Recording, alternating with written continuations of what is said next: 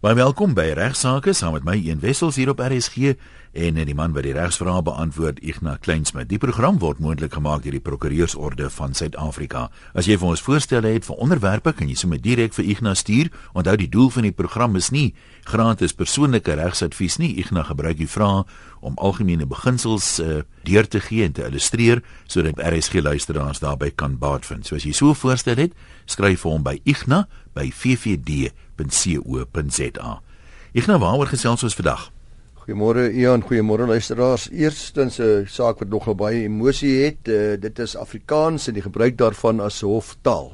Vir baie Afrikaanse prokureurs en vir baie en vir almal van u wat uh, kliënte van prokureurs is, is dit iets wat tog van belang is. Uh, want die gebruik van uh, Afrikaans as voertaal kom gereeld ter sprake en het onlangs weer opspraak gemaak toe 'n landros Hasina Habib van Johannesburg streekshof in die appelhof in Bloemfontein geappeleer het teen 'n bevel wat daar gelas het om skadevergoeding van 115 000 rand plus rente aan Annelies Du Plessis te betaal omdat die landros in 2009 geweier het om haar borgtog aansoek aan te hoor in Afrikaans. Sy moes 115 000 rand betaal as gevolg van die feit dat sy Afrikaans nie as hoftaal gehonoreer het nie en erken het nie. Du Plessis was op 3 April 2009 weens bedrog van 5,2 miljoen rand in hegtenis geneem en het toe voor Rabib verskyn. Die landros het toe die verrigting uitgestel tot 9 April, 6 dae later vir 'n borgtog aansoek. En op die dag het Du Plessis se regsdienwoordiger haar kliënt se eetsverklaring in Afrikaans voorberei, dis te vir die aansoek om borg. Maar aangebied om dit vir die landros te tolk. Rabib het geweier en gesê hierdie is 'n Engelse hof. Rabib het daarop aangedring dat sy geregtig was om die borgtog aansoek weer eens uit te stel sodat die presiese eersverklaring van Afrikaans na Engels vertaal kan word omdat sy wat Habib is nie die taal Afrikaans magtig is nie.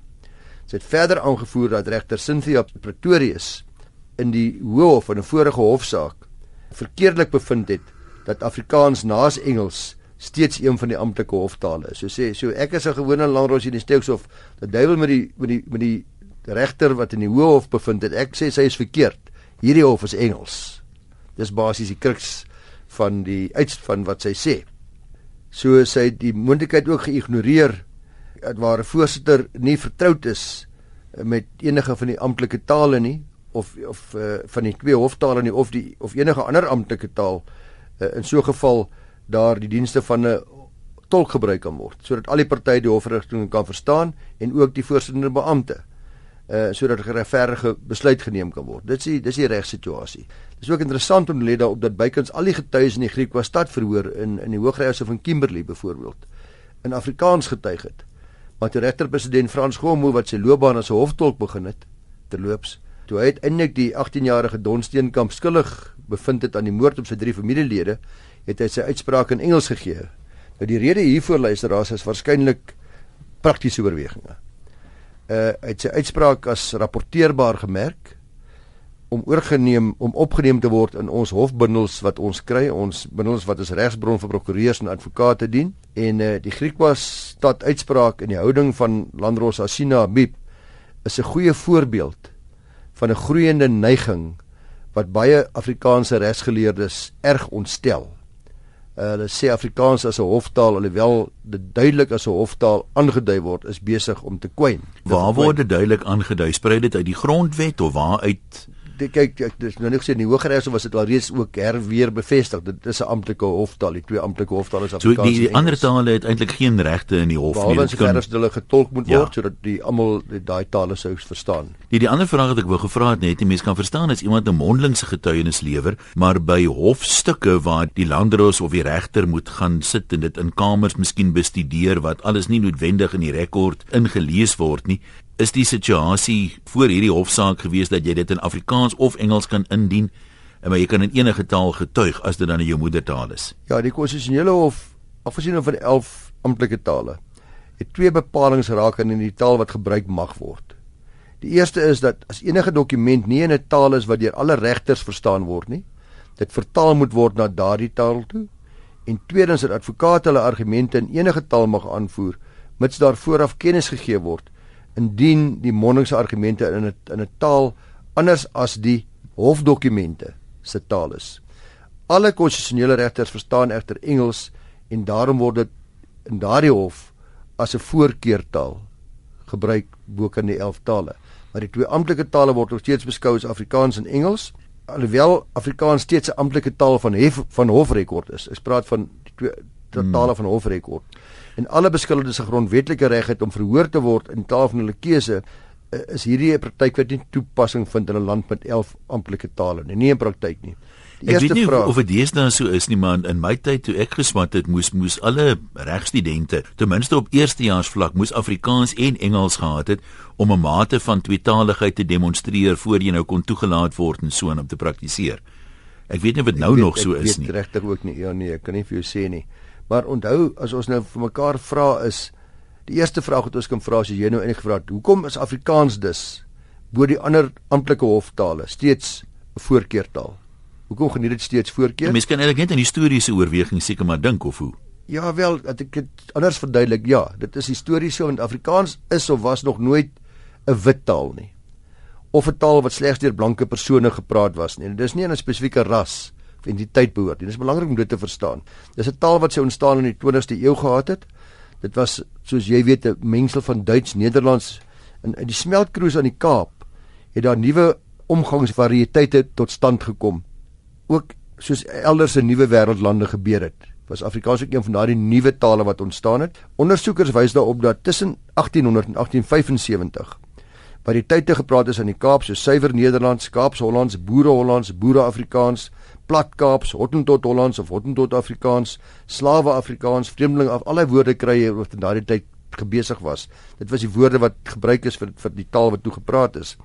Die erkenning van Nederlands as amptelike taal of ook die miskenning van daardie taal onder die Britse gesag was per definisie 'n erkenning of miskenning van Afrikaans. Nou daarbenewens het Suid-Afrikaans en Nederlands lank in 'n baie lekker goeie harmonie harmonieuse verhouding saamgeleef. Ek dink ons almal sal daarmee saamstem. Toe kom Uniewording in 1910. Daai grondwet het voorsiening gemaak vir Engels en Nederlands as die amptelike tale. Afrikaans en al die ander inheemse tale was nie erken nie. Die 1925 grondwet is toe aangepas om ook vir Afrikaans voorsiening te maak. Het Afrikaans toe vir alle praktiese doeleindes Nederlands vervang. Dis waar die Afrikaans en Engels as die twee erkende tale vandaan kom. Afrikaans het in teenstelling met Engels wat in alle ander gekoloniseerde lande as voertaal en leertaal aangeneem is, in Suid-Afrika ook ontwikkel. Dis belangrik om dit ook te verstaan. En jy kan kyk na ons dat ons lektuur en ons literatuur en ons regsboeke. Dit het ontwikkel tot 'n taal as 'n regstaal ontwikkel dis op grond van die Nederlandse en die Duitse wortels in ons Romeins-Hollandse regstelsel. So is baie sterk ons regstelsel wat Romeins-Hollands ook gebaseerd is, het baie duidelik sy invloed gehad om Afrikaans as 'n regstaal te ontwikkel. Anders as die ander uh, amptelike tale. Alle statute van 1925 is byvoorbeeld beide in Engels en Afrikaans gepubliseer en onderteken. Uitsprake in beide Afrikaans en Nederlands uh, was egter nie in die orde van die dag nie. En die eerste Afrikaanse uitspraak in Natal was in 1958. Interessant. Uh met die aanneem van die grondwet van Suid-Afrika in 1996, weet ons almal is nou 11 amptelike tale en moes Engels uit noodsaaklikheid ingestel word om die howe dan ook nou toeganklik te maak vir alle ander burgers. Dis dis duidelik dat alhoewel daar 11 amptelike tale is, is duidelik dat almal geniet nie. Jy kom net in die howe gaan kyk. Geniet nie almal dieselfde voorkeur of beskerming nie. Wetgewing word nou net in Engels gepromulgeer en onderteken met 'n sekondêre dokument in een van die 11 amptelike tale. So uitsprake word slegs in Engels gelewer ongeag die taal wat tydens die verhoor gebruik was soos ek nou nog gesê het. Nou een van die groot beweerredes waarom uitsprake nie in Afrikaans gelewer word nie, is om dit rapporteerbaar te maak.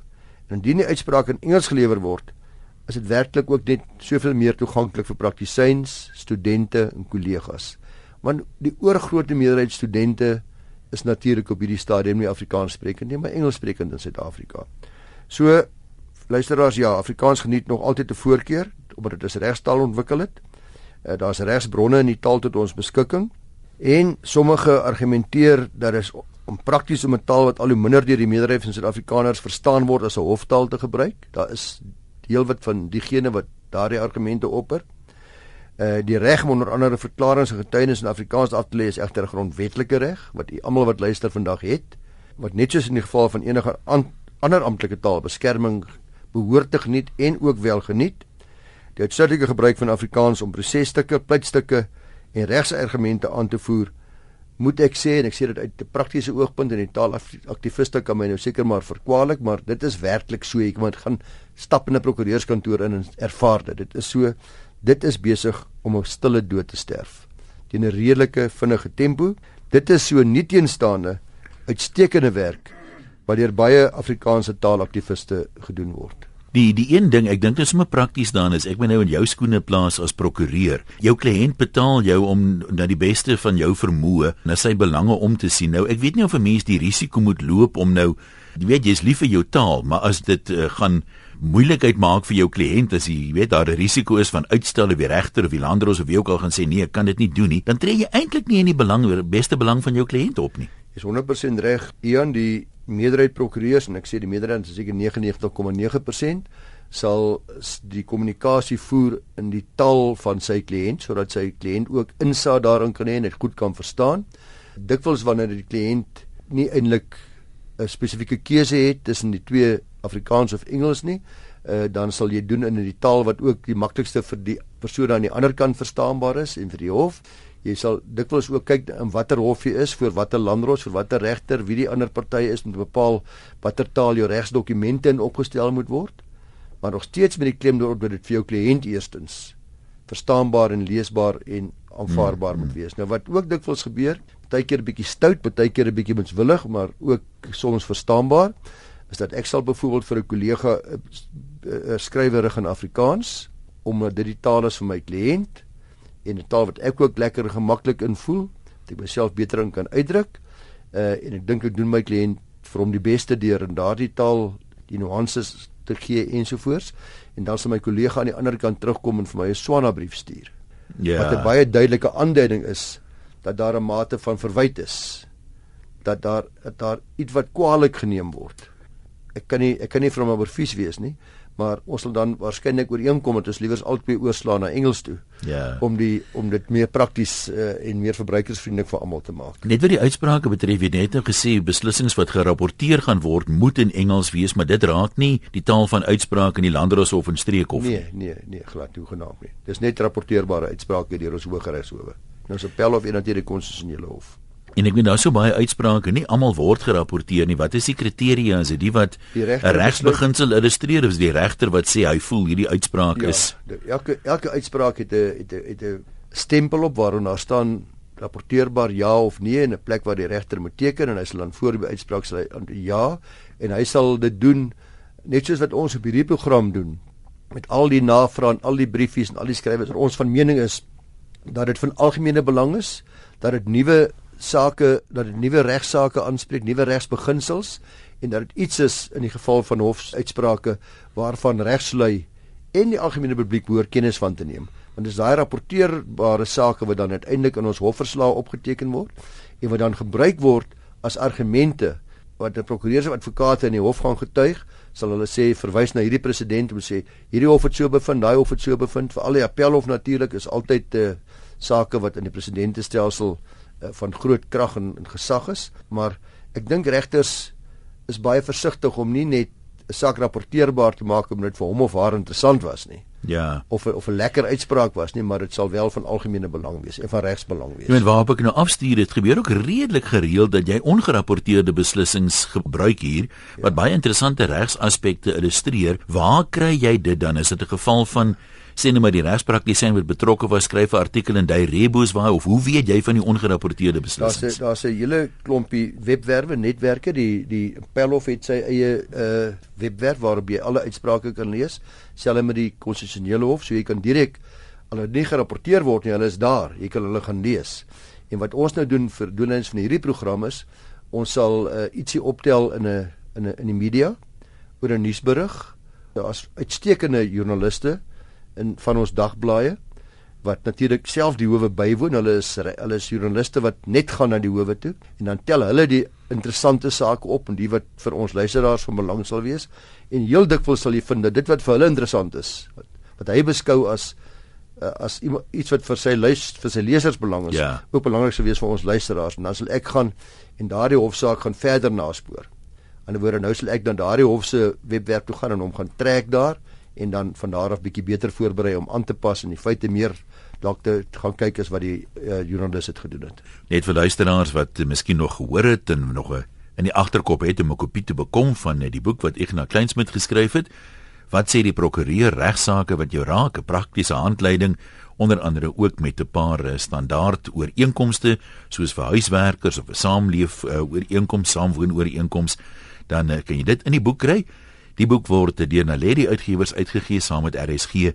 Behoort by die meeste boekwinkels te wees, maar hy verkoop baie goed, so as die voorraad dalk op is, sê hulle moet hom vir jou bestel of bestel hom sommer self by hierdie nommer 083 409 6751. 083 409 6751. Ek nou as nou in die eerste helfte so lekker gesels oor Afrikaans as hoftaal, ons sal die die ronde 'n bietjie korter moet hou. Dankie Ian. Jy het ook uh, vir my gevra in die eerste helfte oor die bronne wat ons dikwels het uh, vir interessante hofsaake. Ek gaan nou weer so 'n bron gebruik, naamlik dit is uh, Jean Marie Versluys, 'n joernalis wat duidelik baie goeie werk doen naby beeld om interessante sake onder die, uh, ons aandag te bring. En hierdie het gehandel oor 'n eis van 'n Jacques en Rini Lourens as voogte van twee seuns teen die LER in Limpopo. Dit handel een almal van ons wat motoriste is sal weet dat daar dikwels wanneer mense oor 'n brug ry, daar 'n golwing in hierdie brug is en die begin van die brug en teen die einde. Die brug 'n bietjie hoër of of laer is gewoonlik hoër ja, ja. as wat die res van die teerpad is. Dit kan nog 'n redelike skok op mense op mense bande wees en op jou kar op jou motor wees. Hierdie gesin was op pad in Desember 2008 van Lepalala, dis nou alles ras vir vakansie na Zebedela toe hulle Nissan Almera voertuig weens 'n fout in die golwing van 'n brug op die R518 pad teen 'n bakkie gebots het. Uh die seuns was toe bietjie jonger, hulle is nou blykbaar al 16 en 15 oud, hulle is toe beseer. Die twee seuns waarvan hulle voogde is. Die Lawrence se prokureur het 4,9 miljoen rand geëis in die hof, 4,1 miljoen rand vir die seuns en 800 000 rand vir die voogde self en 'n ander regter het 'n vrywaringsbevel aan die departement toegestaan omdat die voogde volgens hom nie nalatigheid deur werknemers van die departement kon bewys nie. Die regter het bevind as die kinders se ma die padverkeersteken gehoorsaam het en met die spoedbeperkings gehou het, dan sou die ongeluk vermy kon gewees het. Maar die voogde toe nou teen hierdie bevel geappeleer en hulle appel is wat ek nou hier gaan bespreek. Uh, die eisers het aangevoer luisteraars dat die botsing weens 'n golwing op hierdie betonbrug gebeur het. Toe die maade nou oor hierdie brug gery het saam met die seuns, het die motor gespring. Sy het beheer oor die motor verloor. Dit gebeur natuurlik baie maklik en in die aankomende baan in beweeg.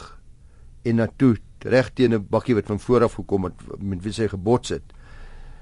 Uh een meneer Engelbreg van 'n plaas daar naby die brug het getuienis gegee en hy het gesê ja ja hierdie brug, daai deel van die pad het begin versleg hier in 2006 al, 2 jaar voor hierdie ongeluk plaasgevind het. En hy het briewe geskryf, hy wat Engelbreg is. Hy het briewe geskryf aan die owerhede daaroor. Hy het gesê hy het al gekom, hy ry gereeld daai brug. En hy sê deur vinniger, deur vinniger oor daai brug te ry so 60 km/h is gevaarlik. Hy weet dit. Hy sê 'n uh, voertuig kan beskadig word.